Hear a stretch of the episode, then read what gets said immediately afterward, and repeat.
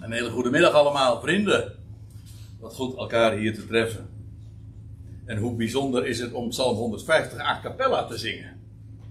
Heb je daar wel eens bij stilgestaan? Ja, alle muziekinstrumenten we, zijn uh, aan de orde gesteld en hebben we benoemd. En geen enkele daarvan hebben we gebruikt. Behalve de Fox Humana. De Fox Humana. Dat is de menselijke stem. Zo is dat. Dat is ook een. Uh, dat is er dan wel een. Dat is een mooi instrument. Zo is dat. Die is door de Heer zelf gemaakt. Hè? En die is door, dat is waar, die is door de Heer zelf gemaakt. En die mogen we, en die mogen we ook weer gebruiken hè, van de overheid. Oké. Nou, uh, het is mij een uh, groot genoegen om, uh, om weer verder te gaan met de studie. Waar we al drie keer over hebben nagedacht. De het thema wat u hier achter mij geprojecteerd ziet. Op welke dag komt de Heer? En dat cijfertje 4 heeft dus niks te maken met de, de hoeveelste dag dat is. Nee, het heeft te maken met, het is nummer 4 in de serie. En ik kan u verklappen, er gaat er nog één komen bij leven en welzijn. En ik heb het dit keer als subtitel meegegeven, wanneer uitgerekend. En ja, die is wat uh, dubbelzinnig. Want als je zoiets zegt, dan denk je in de eerste plaats toch aan iets uh, als uh, wat uitgebeeld staat op dit plaatje. Namelijk de link met het einde van de zwangerschap. Want dan spreken we over, ja, wanneer ben je eigenlijk uitgerekend? En ik heb daar niet zo heel erg veel verstand van. Maar ik weet wel dat daar altijd een datum voor gegeven wordt. Hè? Je, en er is, een, er is een hele mooie berekening voor hoe je dat kunt doen. En dan heb, kun je een bepaalde datum neerzetten en zeggen van nou, dan gaat de baby komen. Slechts zelden gaat dat op. 4%. In 4% van de gevallen is de uitgerekende datum de juiste datum. Ja. Ja, nou en dan ben je in feite dus uh, uitgerekend. Ja, ik bedoel dus. ja, uitgerekend heeft ook zo'n dubbelzinnige klank. Als je, als je uh, gestopt bent met slapen, dan ben je uitgeslapen. Toch? En je kan uh, uitgeteld zijn. Dan ben je, dan ben je, ik ben uitgeteld, ja. Dat, dat wil zeggen dat je gestopt bent met tellen. Nou, of je geld is geteld.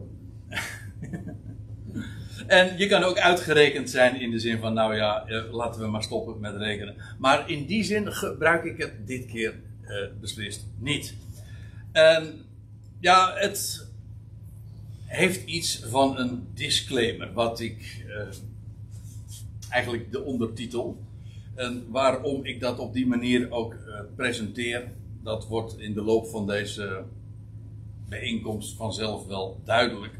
Namelijk ook een bepaalde, bepaald voorbehoud van een berekende datum. Want we hebben het natuurlijk de hele tijd over ja, welke dag gaat de Heer nou komen en hoe precies kun je daarin zijn. En een disclaimer, ja, dat wil eigenlijk zeggen van ik ben niet aansprakelijk voor eventuele berekeningen en uitkomsten en ik geef geen garanties en dergelijke.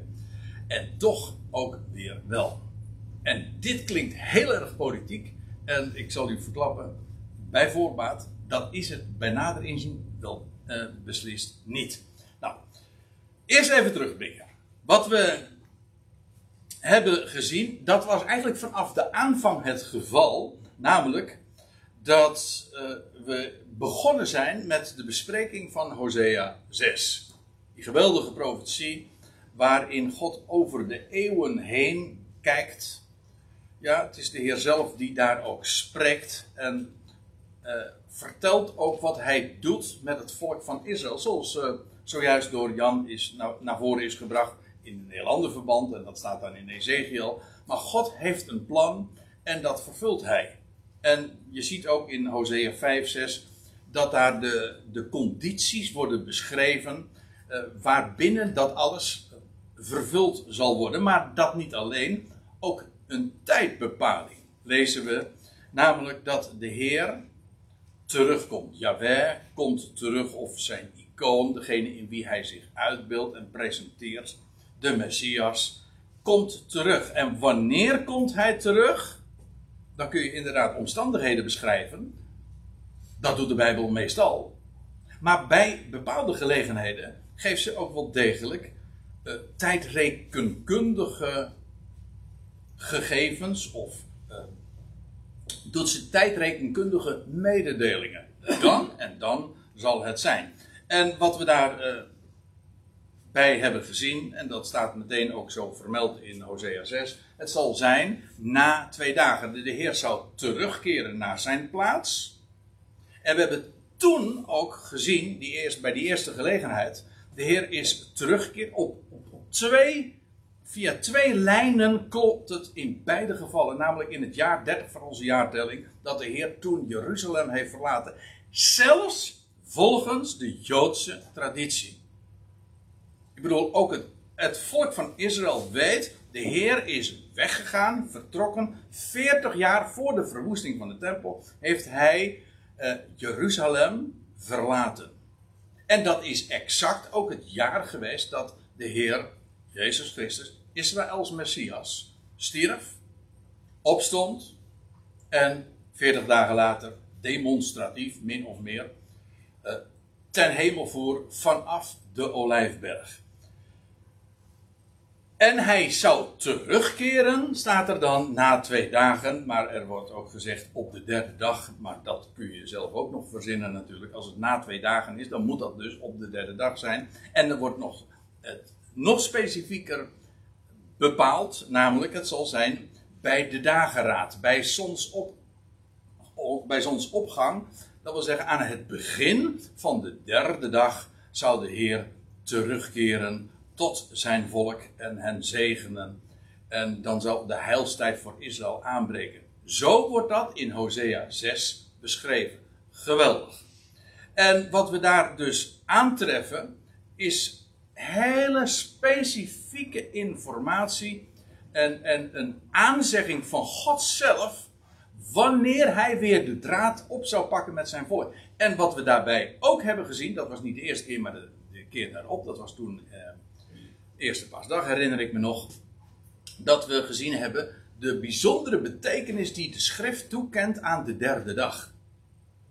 Niet alleen maar als de dag dat Israëls Messias verrees, maar ook als de dag dat de Heer zou komen tot zijn volk. En we hebben gezien, ja, we hebben talloze voorbeelden eigenlijk in dat verband uh, voorbij laten gaan. Jona is een, eh, een, een, bekende, maar ook het boek Esther. Nou ja, te veel om op te noemen. Iedere keer weer vind je die derde dag weer, uh, die daarbij zo'n grote rol speelt. Het is de dag dat de Heer komt tot zijn volk. Dus het is niet alleen maar rechtstreekse profetie, maar het zijn ook allerlei indirecte, zeg maar typologische aanwijzingen, verwijzingen, heenwijzingen. En wat we daarbij uh, ook hebben gezien is, uh, we hebben ons laten informeren, als ik het even zo mag zeggen, door Petrus, die uh, in, juist in dit verband ook zegt van ja, hoe de Heer daarbij rekent. Want je zou kunnen zeggen natuurlijk dat een dag uh, of na twee dagen of op de derde dag, dat het heel cryptisch is. Want ja, één, één ding is wel evident. Het, is, het gaat niet over dagen van 12 uur. Nee, uh, maar wat dan wel? Wel, zegt Petrus dan, en dat is, dan zijn we aangekomen in het derde hoofdstuk van de tweede Petrusbrief, het Petrus geestelijk testament, zeg maar, dat hij zegt van ja, uh, als hij het, juist als hij het heeft over het uitblijven van de komst van de Heer. Hij, is inmiddels aan het einde van zijn leven gekomen en hij zegt van ja, er gaan spotters komen. En die zullen zeggen, waar blijft de belofte van zijn komst? En nou, Petrus beantwoordt dat. En hij, het eerste wat hij daar in dat verband zegt is van, maar het mag u niet ontgaan, geliefde, dat, en dan zegt hij, dat voor de Heer één dag is als duizend jaar en uh, hij herhaalt de statement en hij zegt een duizend jaar als één dag. Dus twee keer spreekt hij over een dag en twee keer over duizend jaar. En dat moet in feite al voldoende zijn. Als we het hebben over de terugkeer van de Heer, dan zegt Petrus: één ding mag je niet ontgaan. Zo rekent de Heer. En ja, dat geeft dus, uh, werpt zoveel licht, schrift met schrift vergelijkend, eh, wat het betekent dat de Heer na twee dagen, en wel bij de dageraad of bij zonsopgang of bij het begin van de derde dag, zal terugkeren tot zijn volk. Nou, wat betekent deze profetie concreet voor onze tijdrekening?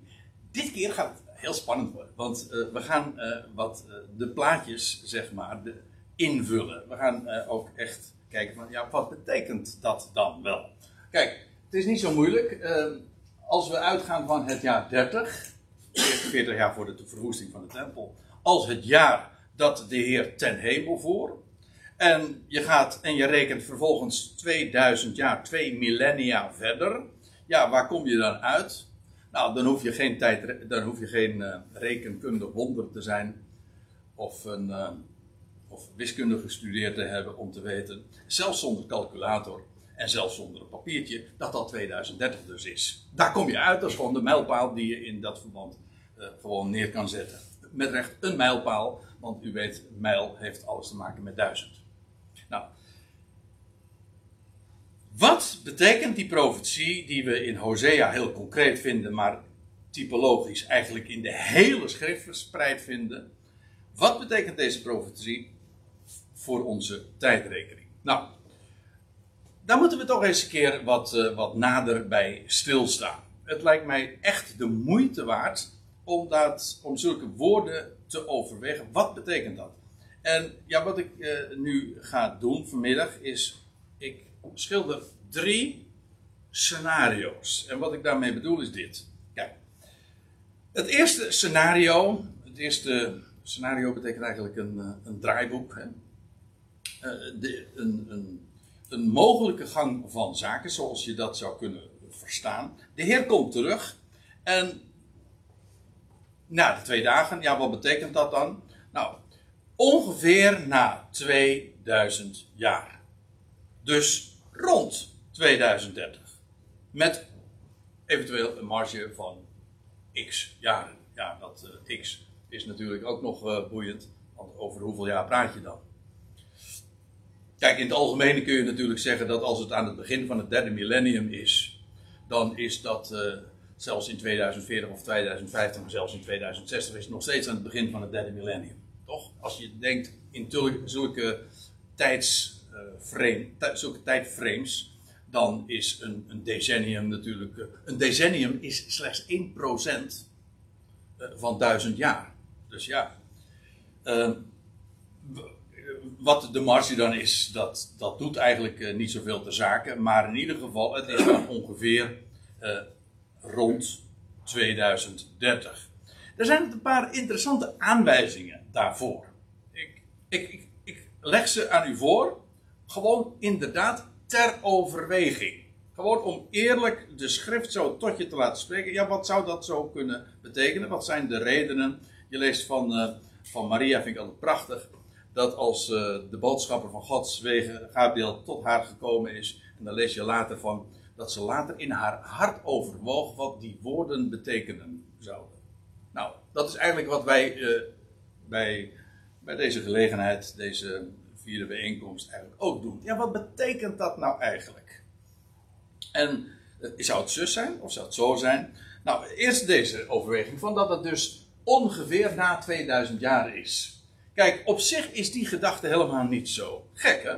Want een millennium, ja, dat uh, op te vatten als een afgeronde termijn, zo rekenen wij ook als het gaat om ja, kleinere tijdhapjes. Uh, bijvoorbeeld in jaren. Als ik zeg wat uh, mijn, mijn leeftijd is, dan zeg ik, ik ben 60 jaar. Maar dat is een afronding, hè. Want in werkelijkheid ben ik inmiddels al 60, oh ja, wat is het? en een beetje, ja, en, en een kwartaal. Dus 6, 60,25 zeg maar. Zoiets. Maar zo rekenen we niet, we ronden af. Uh, altijd trouwens naar beneden. En pas als ik, uh, en pas als, ik uh, als het weer 2 maart volgend jaar is, dan ben ik 61. En zelfs al ben ik 60,99, dan zeg ik nog steeds, ik ben 60. Bijna 61. Oké, ik bedoel dit te zeggen, we, rekenen gewoon afgerond. Dus in termen van afrondingen eh, eh, spreken, dat is helemaal niet zo gek. En daar komt in dit verband trouwens nog een hele bijzondere of eh, aparte, ja, vind ik toch wel, aanwijzing. En we hebben ons toen, eh, is dat de eerste of tweede keer geweest, uh, bezig gehouden met Jozua 3. Dat Jozua de opdracht geeft om op die derde dag door de Jordaan te gaan. En dan geeft hij die aanwijzing in verband met die ark. Weet u nog, ze gingen door de Jordaan, door de dood heen, om aan de andere kant daar weer uit te komen. En de ark voorop. En dan staat er in Jozua 3, vers 4. En we hebben dat toen al gelezen. En ik wil het nu nog een keer lezen, maar juist in verband met dit, dit eerste scenario. Dat het ongeveer 2000 is. Daar staat in Jozua 3, vers 4. Er zij echter tussen u, of jullie eigenlijk, meervoud, het volk, en haar, dan gaat het over de ark als beeld, uitbeelding van de Heer Jezus Christus, de opgestane, hè, op wie het, de, de, de, het verzoendeksel zich bevindt en in wiens hart de wet geschreven is en uh, de, die, die staf die daarin is, die gebloeid had, weet u wel. Nou ja, allemaal uitbeeldingen van de Heer Jezus Christus. Dat is de ark. Maar staat er, Israël gaat dus ook die weg door de Jordaan, net als de ark, maar op afstand. Er zij echter tussen u en haar een afstand van ongeveer, staat er, 2000 ellen lengte. Ongeveer. Nou, zou je kunnen, kunnen verdedigen en zeggen van ja, dat is nogal wieders. Want ja, als er daar een heel volk achter zo'n kist aangaat, dan, dan kan dat nooit natuurlijk uh, op de L, nauwkeurig ongeveer een halve meter of zo, bepaal, specifiek vol opgevolgd worden. Dat is logisch. Dus, dus Joshua heeft gezegd, om die reden ongeveer. Ik vind dat een niet zo'n hele goede verklaring, eerlijk gezegd, want dan had je dat ongeveer gewoon weg kunnen laten, omdat dat er eigenlijk al in de boodschap in, begrepen is. Het staat er gewoon namelijk uitdrukkelijk bij. Maar goed, uh, er staat dus bij ongeveer 2000 ellen. Komt niet dicht bij haar, opdat gij de weg mogen weten waar langs gij gaan zult. Want langs die weg zijt gij nog gisteren, nog eergisteren vertrokken. Het, uh, we hebben dat toen wat uitgebreider bezien. Maar het idee is eh, de afgelopen twee dagen zijn jullie deze weg niet gegaan. Maar nu, de derde dag, gaan jullie deze weg wel. Dus eigenlijk vind je in dit ene vers al, in dit, deze, dit gedeelte, al via twee routes een aanwijzing al wanneer dat zal plaatsvinden. Namelijk, het is na twee dagen, na gisteren en eergisteren. Maar ook eh, die 2000 ellen. Dat is de, de maat. Hoeveel zit daartussen? Nou, in lengte, in meters zeg maar, uh, of in, in ruimtelijke maat zijn dat er 2000, maar ook in tijd is dat 2000, twee dagen, want zo rekent de Heer. En zo komen die dingen bij elkaar dan. Maar goed, het gaat me even om dat scenario dat het zal zijn ongeveer na 2000 jaar. Uh, in lijn met de mededeling van uh, Jozua 3. Het zal uh, dat Israël op ongeveer een afstand van 2011 uh, de ark zou navolgen.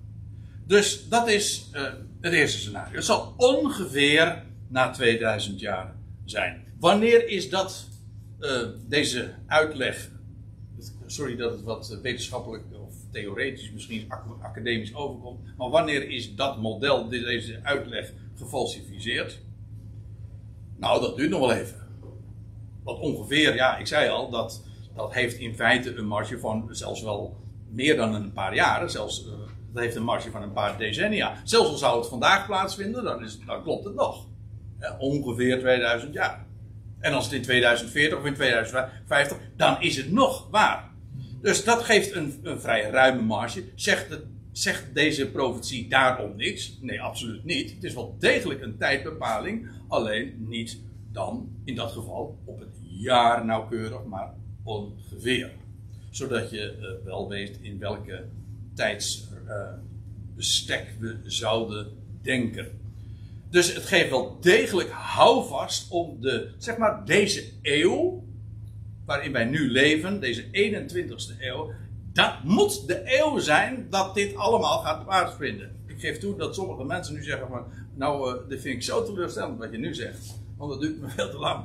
Ik ga, ik, ik, want 2090 ga ik echt niet bereiken. En niemand hier trouwens. Uh, nou. Nee, jullie ook niet.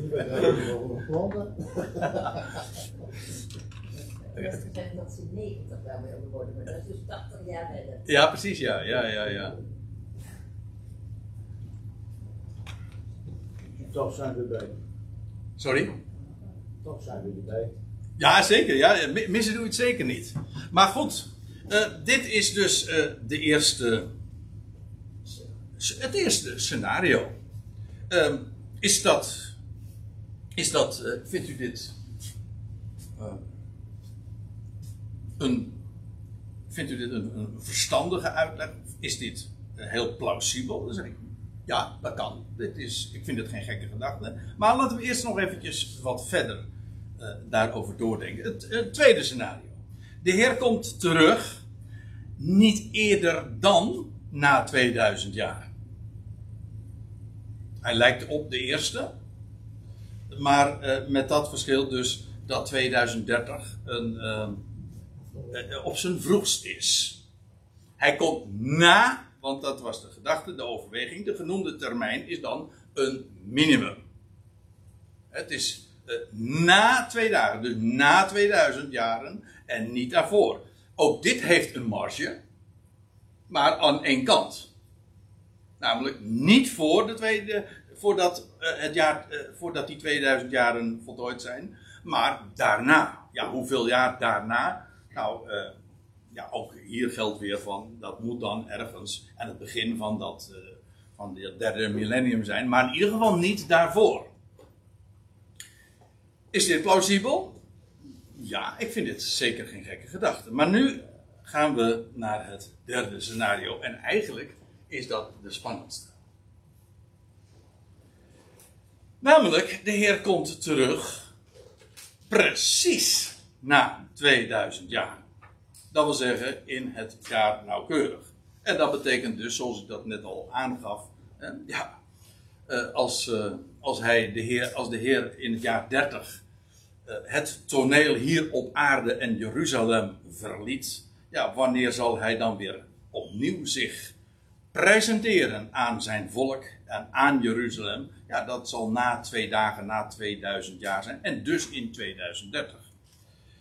En zijn daar goede redenen voor? Ja. Ik denk het wel. Dan laten we ook daar eens even de argumenten voor op een rijtje zetten. De eerdere profetische termijnen in de schrift kwamen telkens exact uit.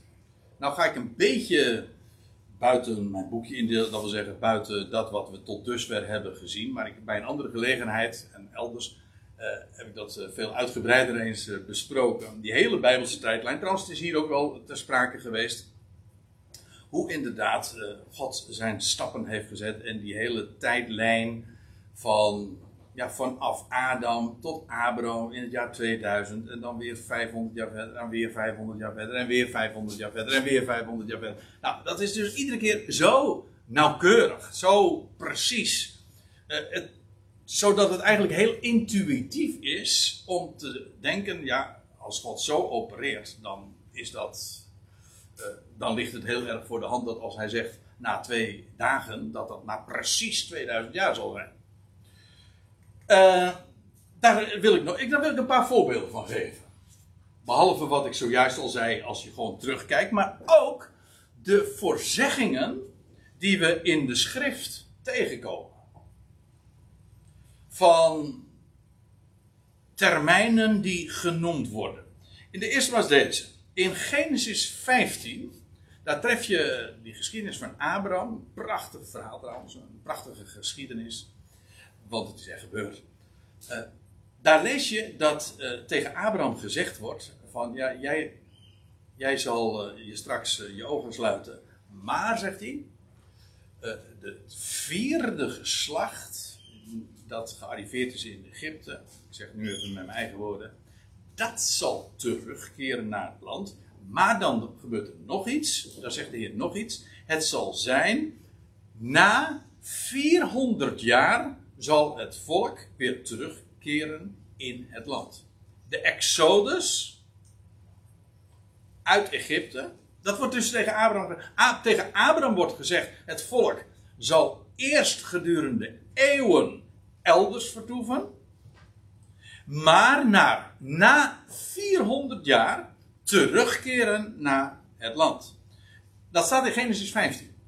En er wordt de termijn van 400 jaar genoemd. En wat staat, wat lees je nu? Dat op de dag dat Israël uittrekt uit Egypte, op de 14e Nisan, de 14e Aviv, in, eh, in Exodus 12, dan staat erbij, het was vier, eh, 30, en 4, eh, 30 en 400 jaren na de voorzegde termijn. En er staat er nog bij, op de dag nauwkeurig zelfs. Niet alleen op het jaar nauwkeurig, maar op de dag nauwkeurig was het 400 jaar na. Ja, ik, ik kan maar één conclusie trekken. Als het op de dag nauwkeurig is, en dat staat er in Exodus 12, vers 40, dan betekent dat dus die voorzegging ooit gedaan is, ook op diezelfde datum. Aan Abraham. Aan Abraham is dat dus beloofd op 14 Nisan, over 400 jaar gaat dat gebeuren. En, dan, en wat, in feite zou dat een marge zijn van, van pakweg 365 dagen. Maar wat blijkt, het gaat op de dag nauwkeurig zelfs. Nog nauwkeuriger dan eigenlijk was, eh, dan noodzakelijk was, om, om zo te zeggen. Is het in vervulling gegaan. Precies op de dag nauwkeurig heeft God zijn woord gehouden en is het volk teruggekeerd.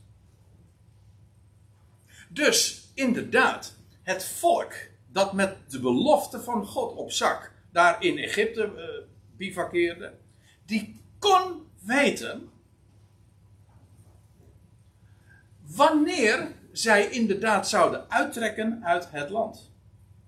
Uit, uit het land Egypte. En wanneer ze inderdaad eh, de woestijnreis zouden aanvangen. Dat wisten ze.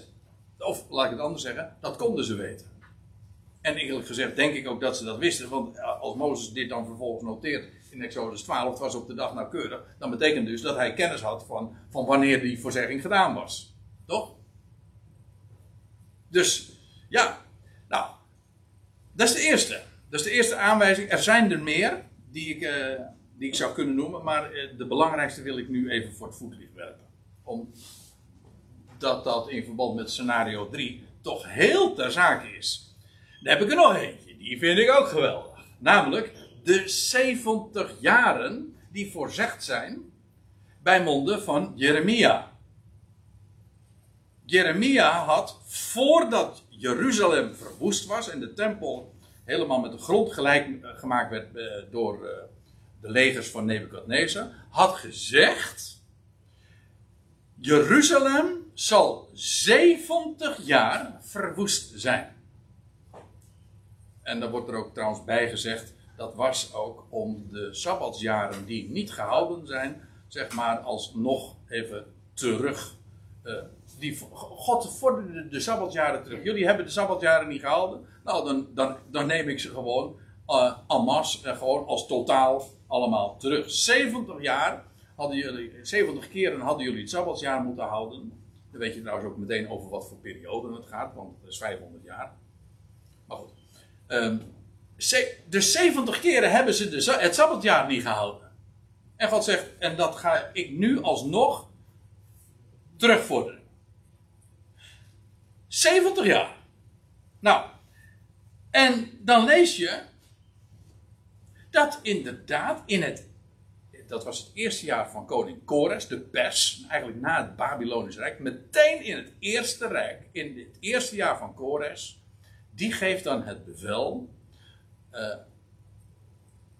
ja, die, die geeft dan eh, het bevel dat eh, het volk dat daar in de ballingschap was, terug mocht keren naar het land, naar het land van Juda. En de stad, nee, meer de tempel mocht gaan herbouwen. Daar had ook Daniel weer alles mee te maken. Dat moet u maar eens nalezen, want je leest dan Daniel in het 70ste jaar van Jeremia's profetie. Dan lees je dat eh, Daniel die bestudeert dan de profetie van Jeremia. Hij heeft daar de boekrol dus van. En dan, en dan gaat hij op zijn knieën. En dan zegt van ja, dit is het 70ste jaar. Heer. Het is het 70ste jaar. Mag ik u even herinneren aan uw belofte? Het klinkt wat onaardig of misschien wat uh, provocerend. Maar dat is eigenlijk wat, wat Daniel doet. U hebt dit gezegd, dat 70ste jaar. En dan lees je dat terwijl Daniel nog. Een geweldige, geweldige profetie. Uh, geweldig hoofdstuk, Daniel 9. Terwijl Daniel nog bidt. Dan lees je dat, het, uh, dat uh, een boodschapper komt tot hem, een hemelse boodschapper. En die zegt van, nou, het is al geregeld. Het woord is uitgegaan om Jeruzalem te herstellen. Die staat, het staat gewoon in Daniel 9. Dus terwijl Daniel bidt, heeft Kores bevolen. Trouwens, ik moet erbij zeggen, Daniel was ook daar min of meer onderminister, zeg maar, in dat rijk. Dus uh, die wist ook wat hem te doen stond. Uh, geweldige verhaal. Kores was namelijk al vermeld. Ik geef toe uh, dat ik nou eventjes buiten mijn boekje ga, maar ik kan niet nalaten om het toch even te zeggen. Jesaja, dat was uh, pakweg 150 jaar nog eerder, had al de naam van Kores genoemd, dat die het zou, dat die het zou zijn, die Jeruzalem zou herbouwen. Nog, dat was ongeveer, ja, ongeveer 150 jaar voordat Jeruzalem verwoest was, had God al gezegd, het gaat weer hersteld worden en ik ga je ook vertellen door wie het gebeurt en dat is door Kores. Die man die was nog lang en breed niet geboren. Maar God had al gezegd, dat gaat Kores zijn. Dus, en, en dan, hij is dus bij naam geroepen. En dan lees je inderdaad ook in het boek Jezaja, uh, of dat hij dat doet. Uh, want ja, hij was bij God, bij naam. Ik heb u bij uw naam geroepen. En, Daniel, en, en uh, ja, ik kan maar één route bedenken. En dat is dat hij via dat koning Kores via uh, Daniel inderdaad vernomen heeft. Dat zijn naam al vermeld was door de Hebreeuwse profeten. Dus toen, Daniel, dus toen Kores optrad, toen wist hij meteen, toen hij, in, in, toen hij in aanraking kwam met de Hebreeuwse profeten en met Jezaja, van ik ben genoemd om de tempel te laten herbouwen. Dat heeft hij ook gedaan. Want hij zei, je leest ook in, in, in Esra 1, van ja, ik doe dit omdat God mij hier toe geroepen heeft om te doen. Hoezo? Nou, zijn naam was al zoveel eerder genoemd door Jezaja. Dit is toch wonderlijk. Maar wat ik er eigenlijk mee wil zeggen, is in het zeventigste jaar is eh, deze profetie, die door Jeremia tevoren dus al was uitgesproken, is dit nou keurig vervuld. Ook Israël wist, wij zijn 70 jaar in ballingschap en dan gaan we terugkeren. Ja, hoe? Uh, wie gaat dat regelen? Nou, hoefde zij niet te doen. Dat is nogal mooi. Als God een belofte doet, dan ligt het dus, uh, zoals uh, Jan dat zojuist ook aangaf, dan ligt de schuld bij hem. God is verplicht aan zichzelf, aan zijn woord, om die belofte te vervullen. En God doet recht aan zijn woord. Dat is ook Gods gerechtigheid. Hij doet recht aan zijn belofte. En het is vervuld. 70 jaar. Het was precies. En, waarom zeg ik dit nu? Wel, het gaat over dat derde scenario. Die komt precies na 2000 jaar. Dat is een hele zinnige gedachte. Dus als we lezen, ja, het is na 2000 jaar, is dat dan precies? Ja, dat zou heel goed kunnen, laat ik het, laat, laten we het voorzichtig zeggen. want we, er, zijn verschillende, er zijn verschillende opties. Maar eh, het idee dat dat precies na 2000 jaar is niet gek. Op zijn zacht gezegd. En dan, uh, dan heb ik er nog eentje, die wil ik heel kort uh, eventjes uh, genoemd hebben. Maar dat verwijst ook naar datzelfde Daniel 9, waar ik het in de vorige ook over had. Namelijk dat in datzelfde jaar, nee, bij, bij diezelfde gelegenheid, dat die boodschapper komt tot Daniel van, joh, Kores heeft het heeft het bevel doen uitgaan om Jeruzalem te herbouwen. Ik ga je nog iets vertellen. Het gaat nog 69 jaar weken duren 7 en 62 weken. En dan komt de Messias. Na 7 en 62 weken, oftewel na 69 weken. En ook dat is weer exact vervuld. Toen, gaf, toen werd daar dus eerst een, een termijn van 400 jaar, hier een termijn van 70 jaar en hier een termijn van 500 jaar. Ja, meestal uitgelegd als 490, maar dat is een kwestie apart. Maar in ieder geval eh, 70 jaarweken. Die God tevoren had aangekondigd. Zo zal het gaan. En, en trouwens, als je deze profetie ook leest, dan staat er eerst van, nou, die eerste zeven jaren, die eerste zeven jaarweken, 49 jaar dus, 50 jaar, zou eh, de stad herbouwd worden in de druk der tijden. En dan nog weer 62 weken later, twee- eh, 62 maal 7 jaar dan, eh, dan, dan zou de Messias komen. Het staat er gewoon, na de, de gezalfde, Hamashiach, wordt er gezegd. En hij, zou, en hij zou uitgeroeid worden zonder dat er iets tegen hem was. Het staat er allemaal vermeld.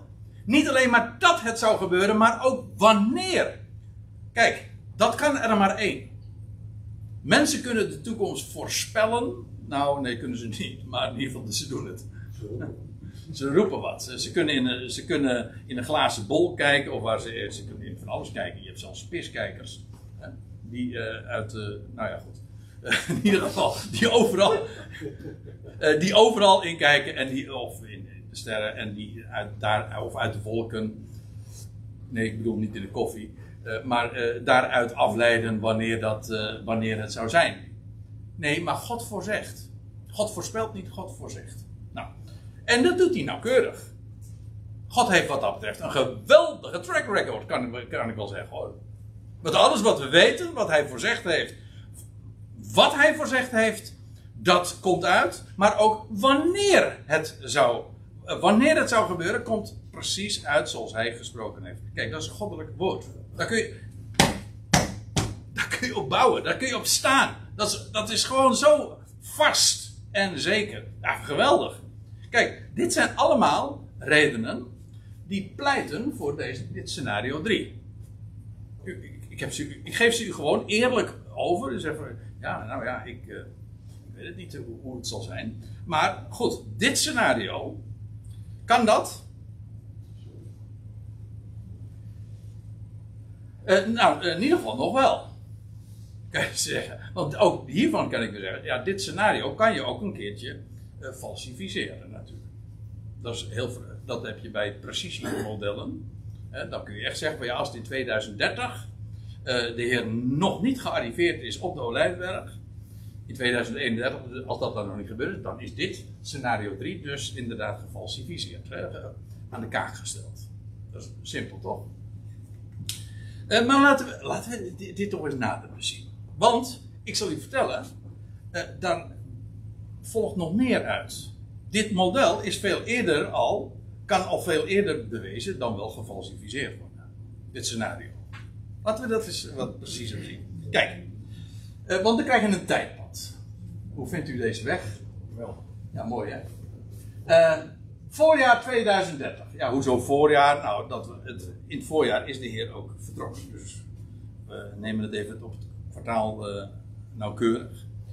Eh, en in het jaar 2030, in het voorjaar, eindigen dus, eindigt dus een periode van 2000 jaar. Ik bedoel, ongeacht wat er dan ook gebeurt, maar dan eindigt een periode van 2000 jaar, namelijk sinds het vertrek van de Heer. Toch? Nou, dat, dan kun je daar zo'n mijlpaal neerzetten, zo'n beetje, een vlaggetje gedaan. Ik kan trouwens nog iets bij zeggen, maar dat zeg ik eventjes eh, terzijde. Hoewel die ook, eh, ja, dat volgt er wel uit. Want eh, als je 3,5 jaar later rekent, dan kom, je aan het, dan kom je uit bij het jaar 6000. Maar dan gerekend vanaf Adam. Daar zit een kleine periode tussen. Dat zou dus het zevende, het, het jaar, kijk, het jaar dat, eh, dat was 3,5 jaar na het, eh, de hemelvaart, werd Stefanus gestenigd. Dat was in het jaar 33. Maar dat was ook het jaar 4000.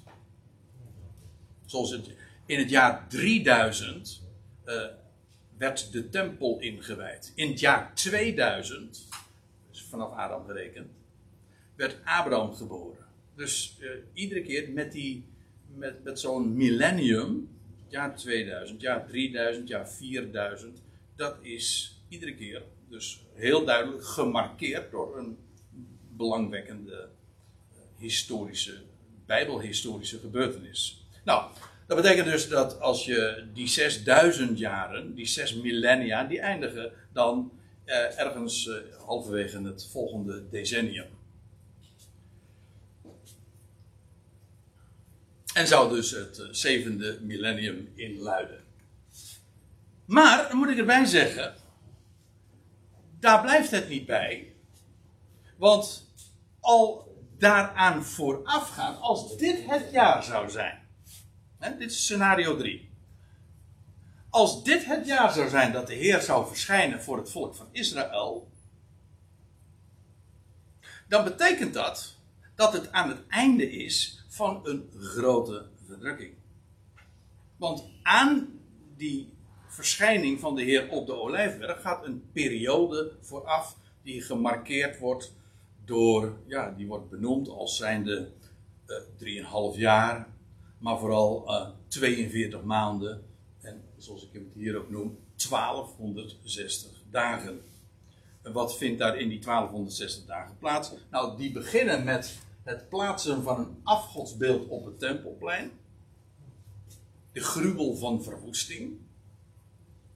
Dat markeert, trouwens die gebeurtenis, markeert ook het begin van de grote verdrukking. Vanaf dat moment gaan ook twee getuigen op het tempelplein spreken en ja, getuigen dus. Het zijn er twee getuigen. Openbaring 11. Dan lees je ook 1260 dagen. En aan het einde van die 1260 dagen, ook weer trouwens precies gemarkeerd. 1260 dagen. En het einde daarvan, van hun periode, zullen ze uh, eindelijk ter dood gebracht worden. Tot, groot, tot grote vreugde van, alle, van de meeste mensen. Want het is zelfs zo dat ze elkaar cadeautjes gaan sturen. Omdat eindelijk die twee lastpakken uh, uh, gedood zijn. Al die, die periode daarvoor zijn ze onaantastbaar. Het is zelfs zo dat niemand ze kan aanraken. Ze kunnen zelfs vuur uit de hemel laten komen. En ze kunnen water in bloed veranderen. En ze kunnen het 3,5 jaar niet doen regenen. Het is net Mozes en Elia. Hè? Nou ja. In ieder geval in die periode. Maar dat is dus voorafgaand aan die twee. Uh, uh, pardon, voorafgaand aan, dat, aan het jaar 2030. In dat derde scenario. Hè, uh, dat die twee getuigen dan optreden. In diezelfde periode zal Jeruzalem vertreden zijn. Zo staat er. Ook dat lees je trouwens in Openbaring 11. En door de heiden, door de natieën vertreden. Dus een, een, een afschuwelijke periode. Het wordt niet voor niks de grote verdrukking van Israël genoemd. Al moet ik erbij zeggen dat het ook de periode is dat een overblijfsel van Israël in de woestijn veilig en wel bewaard wordt. Ook die periode wordt genoemd 1260 dagen. Die vrouw vlucht naar de. Als dat afgodsbeeld op het tempelplein neergezet wordt, dat is het laatste moment ook dat, er nog, dat men nog kan. Dan moet men meteen gaan vluchten naar de woestijn. En, maar dan, degene die inderdaad vluchten, die zijn dan veilig in de woestijn. En daar hebben ze een onderkomen, een onderduikadres en worden ze bewaard van Gods wegen. En zijn ze onaantastbaar en niemand kan uh, aan hen zitten. Uh, hoezeer er ook pogingen gedaan worden met deze openbaring 12. Onmogelijk. Ze zijn daar absoluut in een veilig onderduikadres. In de woestijn. Ik denk Petra, maar dat doet even niet de zaken waar het precies is. Maar daar, en daar worden ze boven niet alleen, uh, daar zijn ze niet alleen veilig, daar worden ze ook nog eens een keer verzorgd. Krijgen ze eten en drinken. Net zoals ooit Israël, uh, Israël uh, ook in de woestijn Israël eten en drinken kreeg van de Heer zelf. Waren ze gewoon ook goed onder de pan, om zo te zeggen. Dat in de scenario 3, waarbij dus de Heer precies na 2000 jaar op het jaar nauwkeurig terugkeert, moet je er, ermee rekenen dat al een periode daaraan voorafgaand, die 1260 dagen, dit gaat plaatsvinden. Dat is dus 3,5 jaar. Ik moet er nog, eh, het belangrijkste moet ik eigenlijk nog vermelden, tenminste eh, voor ons het belangrijkste, namelijk dat er, eh, er nog een wegrukking gaat plaatsvinden van de mannelijke zoon. Dat is namelijk ook voor die 1260 dagen. De gelovigen vandaag, het lichaam van Christus wordt weggerukt. Dat vindt namelijk ook dan daarvoor plaats. Maar dan kan ik er nog een vlaggetje bij zetten. Dat is dus dat is najaar 2026. Nogmaals, scenario 3, waarbij de 2000 jaar precies 2000 jaar zijn. Dan betekent dat dat de, vanaf najaar 2026 tot voorjaar 2030 die 1260 dagen liggen. Nou, Ik zeg dus niet dat het zo is. Ik-? Sorry? Onze jaartelling klopt toch niet helemaal? Nee, maar dat doet ook niet de zaak of onze jaartelling klopt. Maar Maar, omdat je uitgaat van, van die 2000 jaar, van, van, eh, van het jaar 30. ja, Als dat eerder geweest is of later, dan kom je op andere, eh, dan kom je weer anders uit. Maar als we uit, ervan uitgaan dat het in het jaar 30 is geweest, dan moeten we dus diezelfde, in die vier jaar, diezelfde jaarrekening, moeten we komen uit in 2030 Ja, als periode. Maar als je het niet erg vindt, eh, parkeren we dat even. Kunnen we altijd eventueel nog eventjes, eh, eh, als, als hier, hier eh, nog vragen, nog meer vragen over komen, dan kunnen we daar nog een keertje wat uitgebreider op bij stilstaan. Ehm, maar dus, goed. Uitgaande van dit scenario betekent dat dus dat wij al veel eerder dan 2030 weten of het klopt. Ja of nee? dat weten we de, in 2026 weten we dat al. Maar ik ga het nog sterker vertellen. We weten het nog eerder. Want aan die 1260 dagen gaat nog een schijnvrede vooraf. Dat is eh, de periode waarin er ook weer in Jeruzalem een tempel zal zijn en een offerdienst zal wezen. Want, ik zal u dit vertellen, als die 1260 dagen ingaan, dan wordt er een afgodsbeeld op het tempelplein neergezet, maar daarmee wordt ook de offerdienst gestaakt. De offerdienst wordt gestaakt en in plaats daarvan wordt een gruwel, een afgodsbeeld op dat tempelplein neergezet. Dat betekent dus dat er daar voorafgaand al een tempeldienst of een offerdienst was en, en dus ook weer, misschien provisorische, maar een tempel. Hoe dan ook. Dat is dus allemaal al voor 2026. Moet daar dus een tempeldienst zijn in Jeruzalem. Maar ik zal het nog vertellen, eh, ga- gaat nog verder.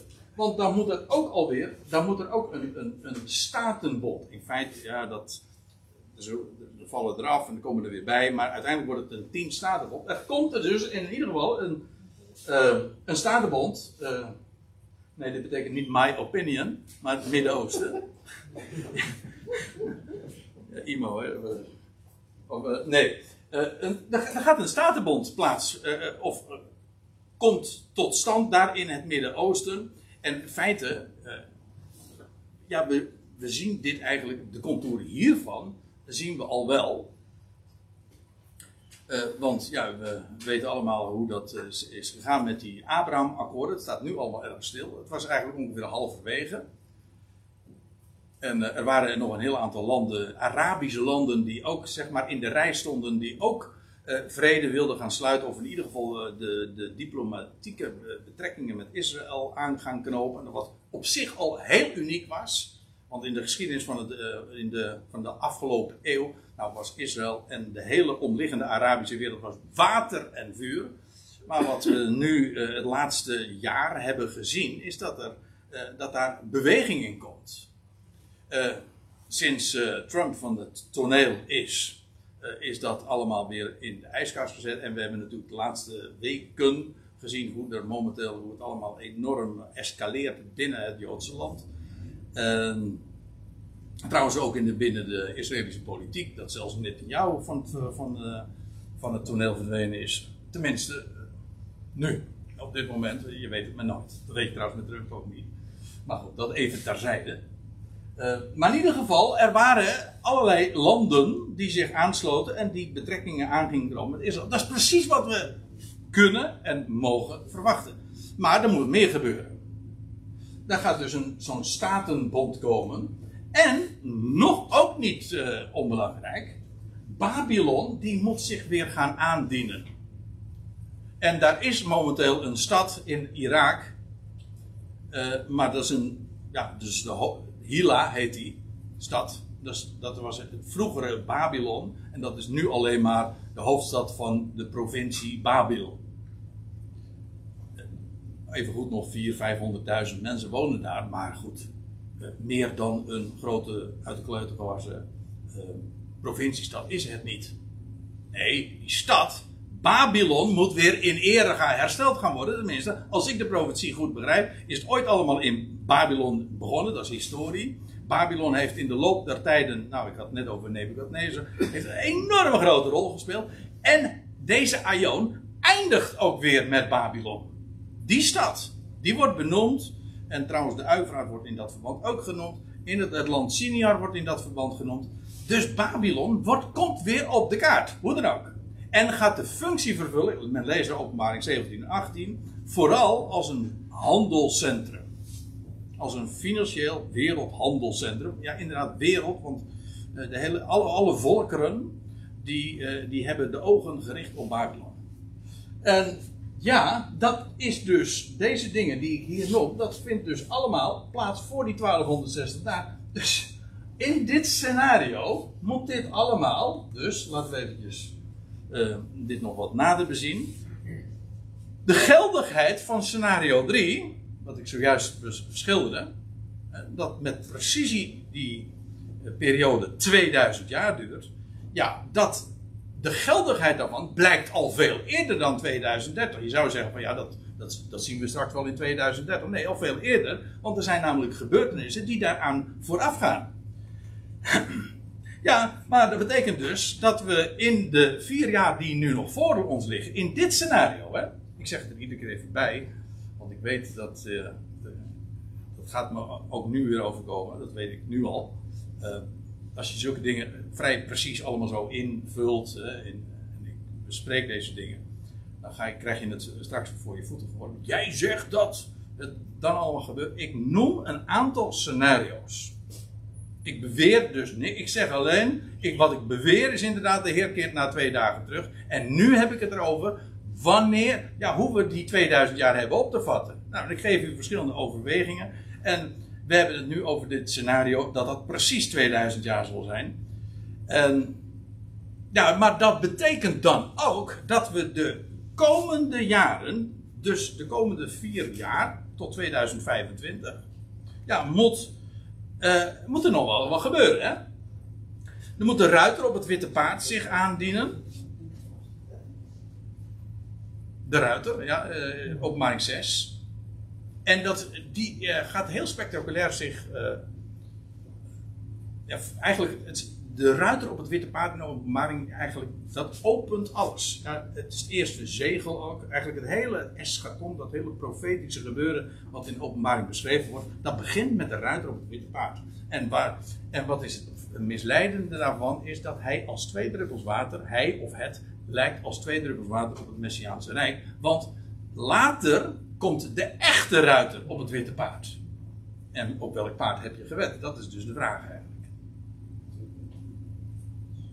En, maar die ruiter op het witte paard, die zal, en dan staat er van, hij, hij, hij komt en ja, hij heeft een kroon op zijn hoofd. Ik ben geneigd om het op zijn Latijns te zeggen, en dan zou ik zeggen corona. Maar hij heeft een kroon op zijn hoofd en dan komt hij en eh, hij wint en hij overwint. Dus op een of andere manier, het spectaculaire van die ruiter op het witte paard is dat hij vrede brengt. Maar hoe weet ik dat? Wel, de ruiter op het tweede paard die komt en die, die neemt de vrede van de aarde weg. Aha, dus die ruiter op het witte paard heeft de vrede gebracht. Eh, wat eh, die, dat witte paard ook al suggereert. Maar goed.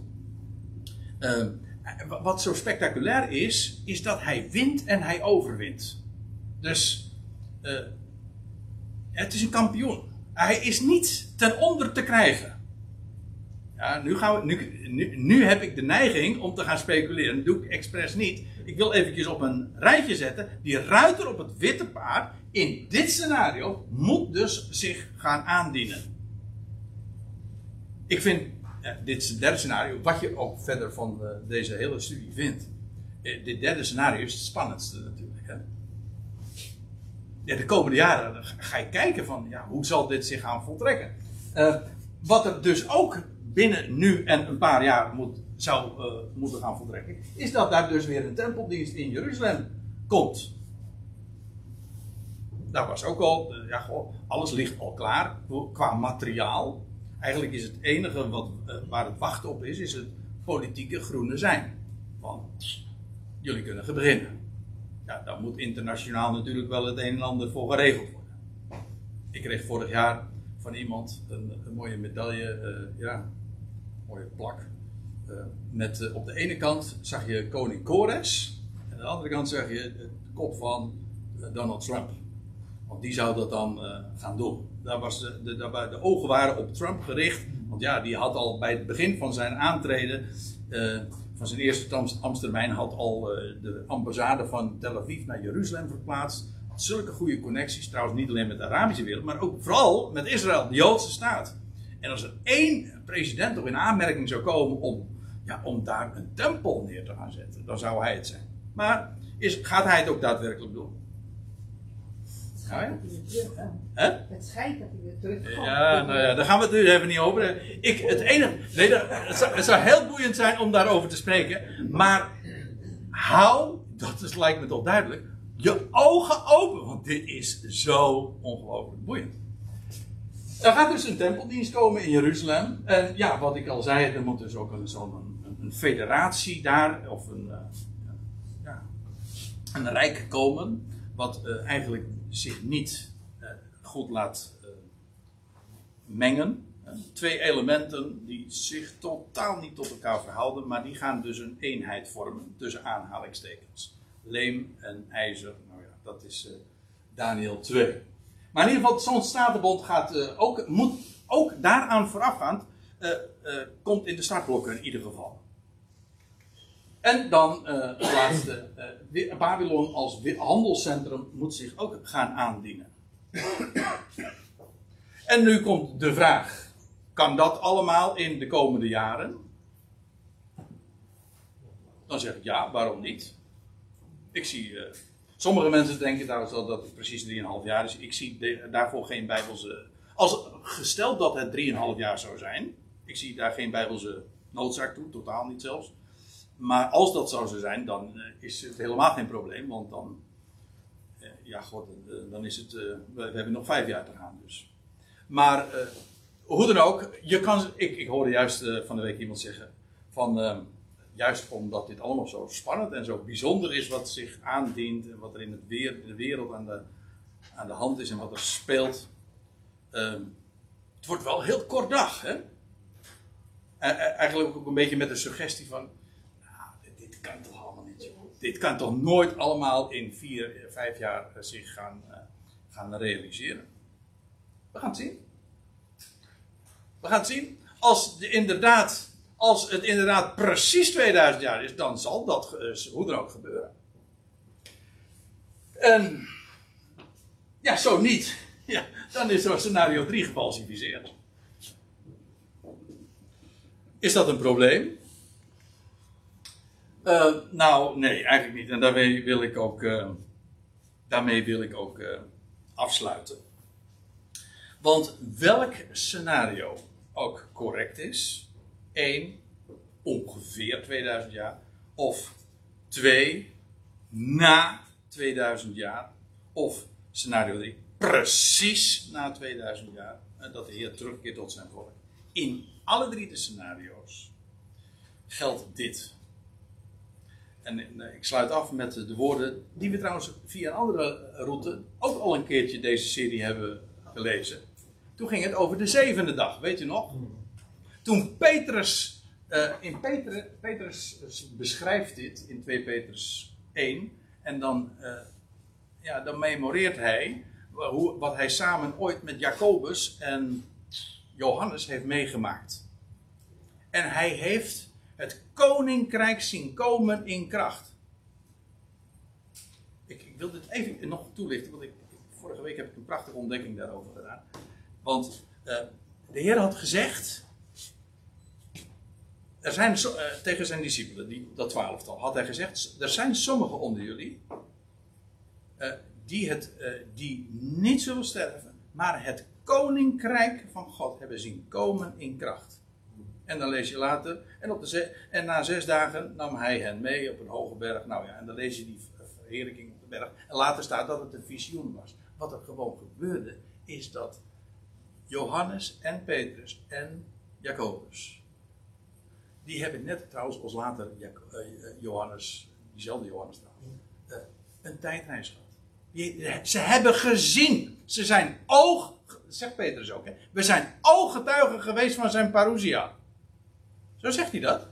Ja, in vers 16 is dat geloof ik van dit eh, gedeelte. Wij zijn ooggetuigen van zijn parousia. Hoe kan je dat zeggen? Hoe kan Petrus dat zeggen terwijl die parousia nog in de toekomst ligt? Nee, maar net als hij is verplaatst naar de dag van de Heer, hij heeft een visioen gezien.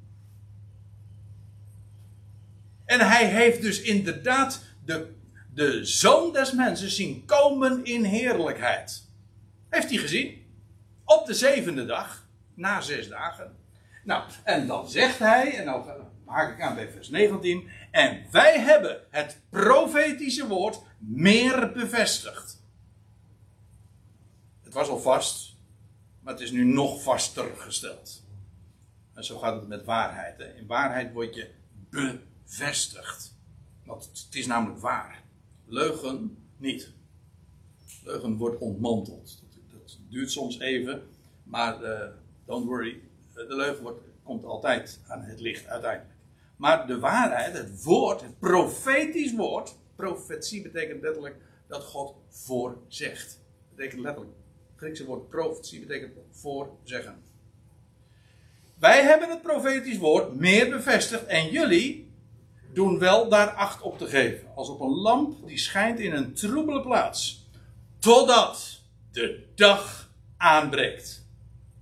En de lichtbrenger opgaat. Dat schrijft Petrus als apostel van de besnijdenis tot zijn volk. En totdat de dag aanbreekt. Welke dag? Heb ik weer twee opties. De derde dag. Of de zevende dag. Maar we hebben gezien, dat blijkt dus identiek te zijn. Totdat de dag aanbreekt en het licht opgaat. In jullie harten, dit eerst wetende. Dat is een hele mooie. Niet de lichtbringer opgaat in jullie harten, zoals de meeste vertalingen zeggen. Dat geeft een onzinnige betekenis. Onzinnige zin. Nee, totdat de lichtbrenger opgaat. In jullie harten dit eerst wetende dat geen profetie der schrift zijn eigen uitlegging voortbrengt. Dat wil zeggen, een profetie van de schrift heeft, legt zichzelf niet uit. Nee, profetieën van de schrift leggen elkaar uit. De een legt de ander uit.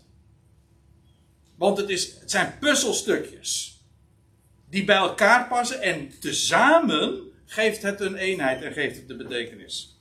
Want nooit werd profetie door de wil van een mens voortgebracht. Nee, want een mens kan namelijk niet voorzeggen. Dat is een mens niet gegeven. Zelfs niet wat het weer van morgen is. En dan kun je een instituut hebben van, die, die, zich daarin expertise heeft op het toegelegd heeft. Maar dat weet je nog niet. Nooit werd profetie door de wil van een mens voortgebracht, maar onder Heilige Geest gebracht spraken mensen van Gods wegen. Kortom, eh, die derde dag, eh, die derde dag gaat komen. De Heer zal na twee dagen terugkeren. En ongeacht hoe je dat precies moet lezen, we hebben daar nu wat dieper over doorgedacht en ik geef het ter overweging. Kijk, en dan zeg ik van hoe het precies zal zijn, dat zijn menselijke gedachten. Dat zijn modellen, dat zijn scenario's. Dat doen mensen. Maar dan wel bij het licht van de schrift. En het één ding staat vast, en dat is dat de dag gaat aanbreken en precies welke dag weten we. Dat weten we. Gewoon, de schrift heeft het namelijk vastgelegd. God heeft het gefixeerd. Nou, dan gaan we de volgende keer eh, nog over wat andere dingen doordenken. En misschien die vraag eh, die zojuist eh, naar voren gebracht is, kunnen we ook nog eventjes meenemen over eh, hoe, zeker kunnen we zijn van onze jaartelling en zo. Maar eh, ik wilde eigenlijk vooral nog eh, afsluiten met deze vragen. eh, zou de Heer niet als een dief in de nacht komen? Want alles wat we tot dusver hebben besproken, breng het maar eens een keer ter sprake met, met uw kerkelijke buurman of buurvrouw. Die zegt van, joh, eh, de Heer komt toch als een dief. Waar houd je je mee bezig, man? Dat weet je helemaal niet. Of eh, weet jij het beter dan Jezus? Die zei toch van die dag en die uren weet niemand. Zelfs de zon des mensen niet. Dus. En dan heb ik een, een, een- het meest gehoorde argument. Mensen hebben zich al zo vaak vergist in date setting. En dat laatste klopt trouwens helemaal. Maar eh, dan zeg ik erbij. Sorry voor de arrogantie. Mensen kunnen zich vergissen. Maar geen arrogantie trouwens. God vergis zich niet. Dus ja, we, ik vind ook deze vragen, die moeten aan de orde komen. Net zoals de vraag waar we het vandaag over hebben gehad. Hoe zit dat nou precies met die berekening? Nou, dat wilde ik graag eh, vanmiddag met jullie gedeeld hebben. En eh, ik hoop dat ik wat stof tot nadenken heb gegeven.